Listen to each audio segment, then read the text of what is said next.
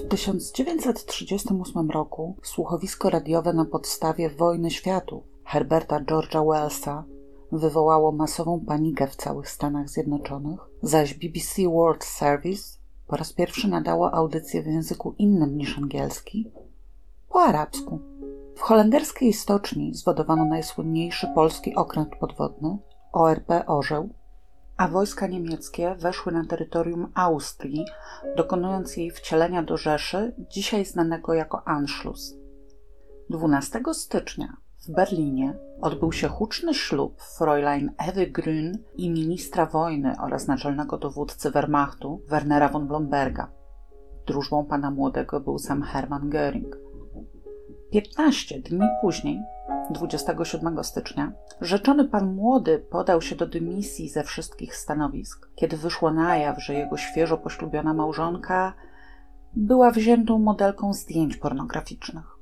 Na pocieszenie, w nocy z 24 na 25 stycznia nad niemal całą Europą, aż do Gibraltaru, widoczna była zorza polarna, opisywana później jako kurtyna ognia lub ogromna krwawa wiązka światła. Z kolei szwajcarski chemik Albert Hoffman mógł zaliczyć ten rok do wyjątkowo udanych, ponieważ dokonał syntezy dietyloamidu kwasu D-lizergowego, czyli LSD. W Polsce rok 1938 rozpoczął się od aresztowania jednego z najgroźniejszych przestępców międzywojennych, Nikifora Maruszeczki. Otwarto port we Władysławowie oraz uchwalono ustawę o ochronie imienia Józefa Piłsudskiego. Prezydent Ignacy Mościcki rozwiązał wszystkie funkcjonujące w kraju loże wolnomularskie, ale za to założono Związek Kynologiczny w Polsce. Tadeusz Góra na szybowcu PWS 101 ustanowił rekord świata w długości lotu szybowcowego. Pokonał 577 km z Bezmiechowa do Soleczników Małych. Za ten wyczyn, jako pierwszy na świecie, został przez Międzynarodową Federację Lotniczą odznaczony medalem Lilienthala, najwyższym międzynarodowym odznaczeniem szybowniczym. W 1938 roku Japonia była w stanie wojny. Druga wojna japońsko-chińska, rozpoczęta przez Japończyków w ramach realizacji planu obrony Azji przed interwencjami Europejczyków, czyli de facto uniemożliwienia Chinom współpracy ze Związkiem Radzieckim i jednocześnie pozyskania nowych terytoriów, przeszła już fazę starć partyzanckich, a armia japońska przestała odnotowywać istotne zwycięstwa. W porcie w Hiroshimie silny wiatr wywrócił wszystkie statki, powodując śmierć m.in. kadetów szkoły marynarki wojennej, wracających do budynku uczelni na wyspie Eba. Z kolei w Niigacie, z powodu nagromadzenia śniegu na dachu, zawalił się budynek kina. Pod gruzami zginęły 74 osoby. Z inicjatywy rządu japoński kościół anglikański, istniejący od 1887 roku, oddzielił się od światowych struktur anglikanizmu, którego hierarchowie ostro krytykowali wojnę w Chinach. Otwarto planetarium gazety Tokyo Nichi Nichi, drugie w kraju, utworzono linie lotnicze Dai Nipponkoku, czyli Greater Japan Airways, oraz podjęto decyzję o oficjalnej rezygnacji z organizacji Igrzysk Olimpijskich w 1940 roku, również z uwagi na wojnę z Chinami. W południowo-zachodniej, górzystej części wyspy Honshu, w prefekturze Okayama, w powiecie Tomata, leżała wioska Kamo, składająca się z części głównej i kilku mniejszych osiedli rozrzuconych po oddzielnych dolinach. Takim małym skupiskiem domów, wchodzących w skład wioski, było osiedle Kaio, Obecnie cała ta infrastruktura wchodzi w skład miasta Tsuyama i historia, którą chcę Wam dziś opowiedzieć, znana jest właśnie jako masakra w Tsuyamie. 20 maja 1938 roku, około godziny 17 w Kaio nagle zabrakło prądu. Mieszkańcy niespecjalnie się tym przejęli. W odludnej, górzystej okolicy tego typu awarie były na porządku dziennym spokojnie przystąpili do wykonywania zajęć niewymagających prądu i czekali na pogotowie energetyczne, które usunęłoby usterkę. Niestety nikt się nie zorientował, że to ich niezwykle sfrustrowany i mocno zaburzony młody sąsiad, Mutsuo Toi, wspiął się na słup rozdzielający energię elektryczną na okoliczne osiedla i przeciął przewody do Kaio. Pomimo braku zasilania, Wieczór upłynął spokojnie. Dopiero około 1.40 rano 21 maja Toj podjął dalsze działania. Ubrał się w szkolny mundurek i japońskie kalosze, różniące się od europejskich rozdzieleniem przedniej części buta na nierówne części, tak jak w skarpetkach do japonek. Na łydkach zapiął dodatkowe ochraniacze, a czoło przepasał przepaską. Do obu rąk przywiązał sobie dwie latarki, trzecią, lampę rowerową zasilaną baterią, zawiesił sobie na szyi. Zapasem umocował długi wojskowy miecz i dwa sztylety, w obie ręce zaś wziął strzelbę. Najpierw wszedł do sypialni we własnym domu i siekierą obciął głowę swojej babci. Następnie przedostał się do domu rodziny A, gdzie zabił matkę i trójkę jej dzieci. Zgodnie z japońską praktyką, dane osobowe ofiar tej sprawy ukryto pod kolejnymi literami alfabetu. W domu rodziny B zastrzelił matkę i córkę. W domu C zastrzelił gospodarza i jego żonę oraz jej krewnego, który pomagał rodzinie w pracach polowych. Matka gospodarza uklękła przed Toj i zaczęła błagać o darowanie jej życia. Odpowiedział: Do ciebie nie mam żadnej urazy, ale sprowadziłeś tu pannę młodą, dlatego musisz zginąć. Chodziło o żonę gospodarza, która pochodziła z rodziny, do której chował urazę. Do klęczącej Toj strzelił szybko i niedokładnie, ze zbyt bliska, i kobieta przeżyła, choć ze zgruchotanymi żebrami. W domu rodziny D zginęli gospodarz, jego żona oraz ich piąta i szósta córka. Czwarta córka uciekła do sąsiadów, nie zachowały się informacje o pozostałych trzech. W domu E na miejscu został zabity gospodarz, natomiast jego czwarta córka wraz z czwartą córką rodziny D ukryły się pod podłogą i jedynie odniosły rany. W domu rodziny F Toj zabił gospodarza i jego matkę. W domu G śmierć poniosła żona gospodarza i dwie osoby pomagające przy hodowli jedwabników, które miały pecha zostać na noc. Do gospodarza, który na widok uzbrojonego i zakrwawionego intruza zamarł z przerażenia, Toj powiedział: Ty nigdy nie mówiłeś o mnie nic złego, dlatego ci odpuszczam. I uciekł. Uciekł prosto do domu rodziny H, gdzie zastrzelił matkę i siostrę gospodarza, któremu udało się zbiec i dostać się do najbliższego posterunku policji. To właśnie gospodarz H zawiadomił władzę o zdarzeniu. W domu rodziny I Toi zastrzelił rodziców gospodarza, jego żonę i dzieci. W domu J żonę gospodarza, która wychyliła się przez okno zaniepokojona hałasami, a w domu K gospodarza i jego żonę. Rzeź wioski Kajo trwała około 90 minut. Na miejscu zginęło 28 osób, kolejne dwie zmarły z powodu odniesionych ran. Z 30 ofiar 5 było niepełnoletnich. W świetle obowiązującego wówczas prawa japońskiego czyli miało mniej niż 16 lat. Mutsuo Toi włamał się w sumie do 11 gospodarstw, z czego w trzech wymordował wszystkich mieszkańców, a w czterech pozostawił przy życiu tylko jedną osobę. Niektórzy członkowie zaatakowanych rodzin, słysząc odgłosy strzałów, zdołali się ukryć lub uciec. Dwie osoby były tej nocy nieobecne w domach. Ponadto wiadomo, że jeden z gospodarzy zaczął błagać o darowanie życia, gdyż na skutek choroby nie mógł się poruszać. Toj odparł: Twoje życie jest już i tak całkiem beznadziejne. Dobrze, dam ci spokój. I faktycznie odszedł. Ale co się stało wcześniej? Mutsuo Toi urodził się 5 marca 1917 roku. W dniu masakry miał więc dopiero 21 lat. Na świat przyszedł w osiedlu Kurami, również położonym w granicach dzisiejszej Tsuyamy. W wieku dwóch lat stracił ojca, w wieku trzech matkę, Oboje zmarli na gruźlicę, która w 1938 roku była jeszcze nieuleczalna. Po śmierci matki Mutsuo opiekę nad nim i jego starszą siostrą przejęła ich babka i musieli się przenieść do Kaio, aby z nią zamieszkać. Kiedy Mutsuo miał 6 lat, przeprowadzili się ponownie, tym razem już tylko w obrębie Kaio, do rodzinnego domu babki. Nie zachowały się informacje o tym, w jaki sposób rodzina Toi zarabiała na życie, ale wiadomo, że byli dobrze sytuowani, nie musieli pracować w polu i w niewielkim stopniu byli też dotknięci przez ograniczenia wojenne. To ostatnie było zwłaszcza istotne, ponieważ Japonia była w stanie wojny z Chinami praktycznie od 1931 roku, a w 1937 nastąpiło całkowite przestawienie gospodarki na wojenne tory, co łączyło się ze znacznymi ograniczeniami, chociażby w dystrybucji dóbr dla ludności cywilnej. Bezpośrednio po ukończeniu szkoły podstawowej u zdiagnozowano zapalenie opłucnej, w wyniku którego otrzymał od lekarza zakaz wykonywania jakichkolwiek prac w polu. Na szczęście po chorobie doszedł do siebie dość szybko i postanowił wstąpić do szkoły dla dorosłych. Jest to rodzaj szkoły najbardziej zbliżony do polskich CKU, ale z naciskiem na przedmioty zawodowe, a nie ogólne, a w okresie wojny ten nacisk był jeszcze większy. Mutsuo bez problemów przeszedł egzaminy i dostał się do wybranej szkoły, ale niemal w tym samym czasie jego starsza siostra wyszła za mąż. Nikogo nie dziwił fakt, że tak wcześnie utraciwszy oboje rodziców, Mutsuo jest niesłychanie silnie związany z siostrą. Ale z dzisiejszej perspektywy uznalibyśmy chyba ten związek za zbyt silny, a może nawet chorobliwy.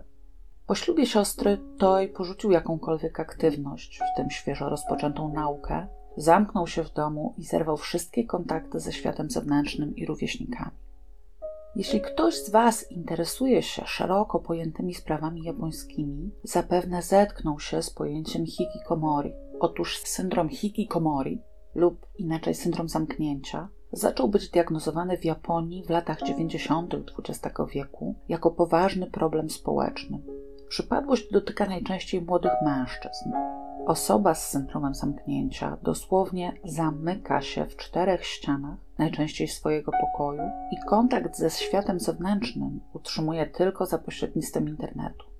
Znane są przypadki, kiedy hikikomori porozumiewał się z własnymi rodzicami mieszkającymi za ścianą przez komunikator. Jedzenie przyjmował tylko podstawione pod drzwi, a z łazienki korzystał jedynie mając pewność, że nikogo po drodze nie spotka.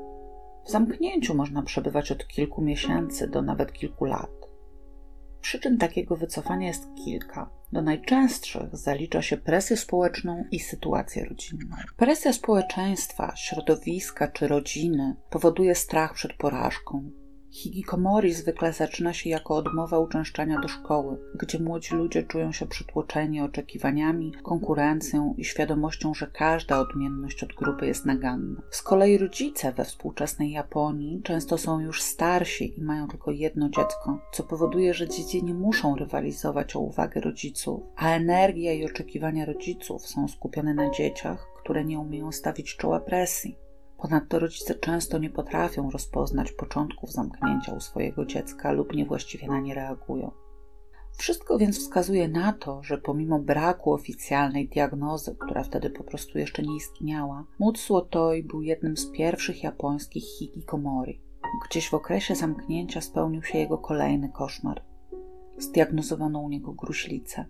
Nie wiadomo dokładnie, kiedy ta diagnoza miała miejsce, ale ponieważ oboje jego rodzice zmarli z powodu gruźlicy, mógł być nawet zakażony od urodzenia. W 1937 roku dostał powołanie do wojska, jednak z powodu gruźlicy został sklasyfikowany jako niezdolny do służby wojskowej. Nie zamykało to przed nim wszystkich perspektyw, ponieważ mógł nadal służyć w obronie cywilnej. Jednak w tamtym okresie młodzi mężczyźni zdatni do służby wojskowej byli uważani za bardziej atrakcyjnych i mieli większe powodzenie u kobiet.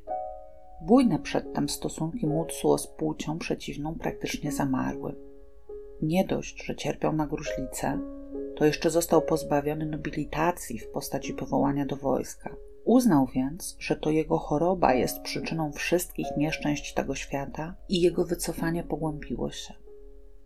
Wcześniej, bo w 1936 roku, cała Japonia żyła sprawą Sady Abe, która w trakcie seksualnej zabawy udusiła swojego kochanka Kichizo Ishida, a następnie obcięła jego penisa wraz z jądrami i wyruszyła z nimi na spacer po okolicy.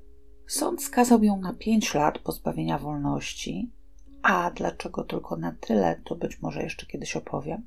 Toy zafascynował się jej osobą, czytał wszystko, co mógł zdobyć na temat jej procesu, a po szczegółowym przestudiowaniu jej zeznań zaczął pisać powieść. Natrafiłam na ciekawą informację dotyczącą młodości Mutsuo.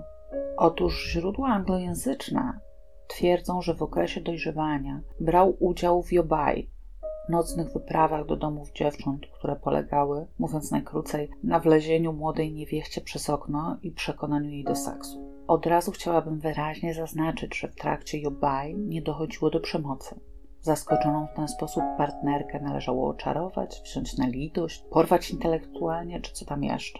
Często w taki sposób powstawały związki, a nawet późniejsze małżeństwa. Zwyczaj Jobaj miał swoje korzenie w japońskiej tradycji dworskiej, ale szczyt jego popularności przypadał na okres średniowiecza. W latach 30. XX wieku był on praktykowany jedynie okazjonalnie na mniej zaludnionych wiejskich terenach.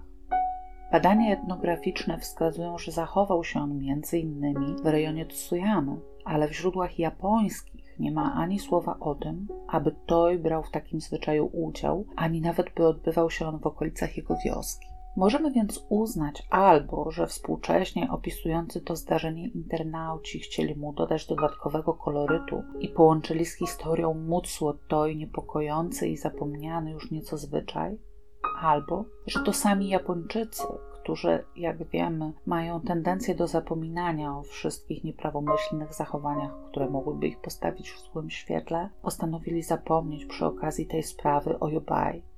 Bez względu na to, czy brał w tym udział, czy nie, frustracja i poczucie odrzucenia u Mutsuo stale się pogłębiały. Wreszcie znalazł sobie jednak hobby i jego realizacja zaczęła pochłaniać mu całą uwagę.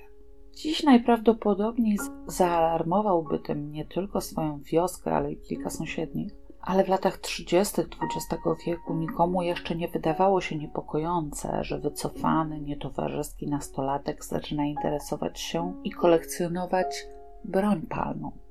Pozwolenie na broń z racji zamieszkiwania w rejonie wiejskim miał już wcześniej i w oparciu o nie posiadał dwie wiatrówki nieokreślonych marek. W 1938 roku przełamał jednak swoje hikikomori i wybrał się do najbliższego dużego miasta, było nim Kobe, gdzie wymienił swoje wiatrówki, zapewne ze sporą dopłatą, na dwie automatyczne strzelby Browninga kalibru 12. Od tamtej pory nie przebywał już w zamknięciu, lecz codziennie wychodził w góry, gdzie ćwiczył strzelanie. Zachowały się z tego okresu liczne skargi jego sąsiadów, którzy zgłaszali, że po zmroku włóczy się z bronią i przeszkadza. Znając trochę japońską powściągliwość, można śmiało założyć, że Toj nie ograniczał się do strzelania na terenach bezludnych. Również w 1938 roku Mutsuo zaciągnął kredyt hipoteczny pod zastaw domu. Nie wiem niestety, w jaki sposób to było możliwe, skoro mieszkał tam z matką, siostrą i jej mężem. Uzyskane w ten sposób pieniądze prawdopodobnie przeznaczył na rozwój kolekcji broni, ponieważ w tamtym czasie zaczęto go widywać również z bronią białą. Być może ze względu na jego własne przechwałki, a być może z powodu jakiegoś nieporozumienia, po wsi rozeszła się wkrótce wieść, że Mutsuo Toi chce otruć swoją babkę. Dotarła ona do policji i w efekcie u Mutsuo pojawili się policjanci z posterunków sąsiedniej wsi. Podczas tej wizyty zarekwirowali mu długi miecz, prawdopodobnie masowo produkowany standardowy miecz wojskowy, krótszy sztylet Tanto oraz najmniejszy Aikuci. Brak było dowodów jakiegokolwiek przestępstwa. Jedynie jeden świadek zeznał, że dzień wcześniej Mutsuo powiedział mu, jakoby dodał babce do zupy popularnego środka przeciwko niestrawności o nazwie Wakamoto. Policja nie poszła tym tropem i nie zarządziła żadnych badań, niemniej cofnięto to i pozwolenie na broń i krótko po pierwszej rewizji odebrano resztę kolekcji. W ciągu zaledwie kilku tygodni Mutsuo z pomocą znajomych pasjonatów broni i zapewne resztki pieniędzy z hipoteki odzyskał arsenał nawet lepszy od skonfiskowanego. Nieuchronnie zbliżał się 21 maja 1939 roku, data bardzo ważna i szczególna. Wtedy to bowiem jedna z dziewcząt z wioski, która kiedyś dała Mutsuo nadzieję, a później go odtrąciła, miała po raz pierwszy po zamążpójściu wrócić do domu rodzinnego, co, zgodnie z japońskimi zwyczajami, jest obchodzone bardzo uroczyście. Już na kilka dni przed tą datą Toj zaczął się przygotowywać. Najpierw rowerem pojechał do sąsiedniej wsi Kamo, aby sprawdzić, ile ewentualnym uciekinierom zajmie zawiadomienie władz. W Kamo znajdował się bowiem posterunek policyjny. Co prawda, z uwagi na powołanie do wojska nie miał on pełnej obsady, ale był najbliżej położony. Obie wioski dzieliło kilka kilometrów trudnym, górzystym terenem. Było więc wiadomo, że pomoc nie nadejdzie od razu. Potem Mutsuo napisał kilka długich listów do swoich najbliższych, które, w jego zamyśle, miały stanowić jego testament. Do ukochanej siostry napisał m.in. Idź z siłą przez ten świat. Nie zachowały się żadne informacje o jego siostrze, ale być może właśnie to było powodem jego przywiązania do niej, że była silna. I nie mówię tego jako krytykę słabości, tylko jako stwierdzenie faktu. Mutsuo Toi nie miał w sobie na tyle siły, aby samodzielnie stawić czoła swoim problemom. 21 maja nadszedł i zamiast uroczystego powitania panny młodej przyniósł śmierć. Po zakończeniu swojej rzezi Toj udał się do kolejnego z pobliskich osiedli, gdzie chciał pożyczyć papier i ołówek w celu napisania testamentu. Zapukał do pierwszego z brzegu gospodarstwa, lecz przerażeni jego wyglądem ludzie nie chcieli z nim rozmawiać. Jedynie mieszkające tam kilkuletnie dziecko rozpoznało Mutsuo i dało mu przybory, o które prosił. Za oddalającym się malcem Mutsuo zawołał ucz się pilnie i stań się kimś wielkim. Poszedł pieszo w okolicy odległej około 3,5 kilometra przełęczy Arasaka i tam napisał swój list pożegnalny. Po jego zakończeniu przyłożył lufę strzelby do swojej piersi i pociągnął za spust. Udało mu się trafić w serce, zmarł od razu. Dopiero następnego ranka, 22 maja, myśliwi odnaleźli jego ciało i ostatni list o następującej treści. Czując nieuchronną śmierć, pisze te słowa. Zastrzeliłem tych, których było można, ale jeszcze nie tych, których było trzeba. Pod impulsem chwili zabiłem swoją babcię, która wychowywała mnie od kiedy miałem dwa lata. Nikt mi tego nie wybaczy, ale wolałem, żeby umarła spokojnie, niż żeby miała spotkać się z nienawiścią innych. To niesłychanie żałosne. Wybaczcie, wybaczcie. Nie mogę powstrzymać łez. Wszędzie są tylko łzy. Przepraszam też swoją siostrę. Wybacz mi, jestem paskudnym chłopakiem. Po tym wszystkim, co się stało, nie mogę nawet prosić o grób. Mam nadzieję, że moje ciało zgnije gdzieś na polu. Płaczę nad całym chłodem i prześladowaniami, których doznałem od społeczeństwa przez cztery lata swojej choroby. Rodzina wprawdzie dała mi trochę tego uczucia, które zwane jest miłością, ale społeczność również powinna mieć trochę współczucia dla samotnego gruźlika. Wprawdzie urodziłem się słaby i dostałem lekcje w słabości, ale w następnym życiu odrodzę się mocny. Byłem nieszczęśliwym człowiekiem, ale potem odrodzę się w szczęściu. Nie przyszło mi to przedtem do głowy, ale do moich planów przywiodła mnie jedna rzecz. Chodzi o to, że Ryo Konishiyama wróciła do Kajo, a zaraz po niej Yuriko Teramoto. Razem z nią był facet o nazwisku Soichi Nishiyama. Nie warto go zostawiać przy życiu. Takich jak on trzeba sprzątać z tego świata. Ma pieniądze i kręci się koło coraz to innej wdowy. W K.O. nie ma prawie nikogo, kto chciałby się z nim zadawać. Jest jeszcze taki Jun Ichi Kishimoto, kłusownik. Ma paskudną opinię w okolicy. Takich jak oni trzeba sprzątać z tego świata. Za chwilę wstanie ranek. Czas umrzeć. Obie dziewczyny, które Mutsuo wspomina w treści tego listu, mimo wcześniejszej znajomości z nim, zdecydowały się wyjść za innych mężczyzn i zgodnie ze zwyczajem po raz pierwszy powróciły do domów z nowymi małżonkami. Przypadek chciał jednak, że obu udało się uciec, gdy Toj włamał się do ich domów i obie przeżyły. Zamiast nich Mutsuo zastrzelił przypadkowe osoby, które szukały w tych domach schronienia. Masakra w Tsuyamie została szeroko nagłośniona w prasie i radiu. Nawet młodzieżowy miesięcznik Sionen Club, normalnie stroniący od sensacji i oddany wykształceniu przykładnego obywatela, poświęcił jej cały specjalny numer. Osiedle Kai-O w wyniku tego zdarzenia zostało praktycznie zniszczone. W niektórych gospodarstwach zginęli wszyscy mieszkańcy, w sporej części niemal wszyscy. Bez szwanku z tego ataku wyszła tylko jedna rodzina. Jej członkowie zostali przez sąsiadów oskarżeni, że wiedzieli o planach Mutsuo i zdołali się ukryć i w związku z tym poddani publicznemu ostracyzmowi. Ze względu na fakt, że zginęły niemal wszystkie ofiary, sprawca popełnił samobójstwo, a zszokowani świadkowie byli w stanie podać bardzo mało informacji, Policja miała olbrzymie trudności nawet z odtworzeniem całego zdarzenia. Wersja, którą Wam przedstawiłam, jest jedynie przybliżona i do dziś jest jedyną istniejącą. Nie udało się nigdy ustalić, czy ktokolwiek wiedział o planach Mutsuo lub udzielił mu pomocy. Według zeznań świadków był on jedynym sprawcą. Niestety okazało się, że nie był on najbardziej zaburzonym mieszkańcem Tsuyamy.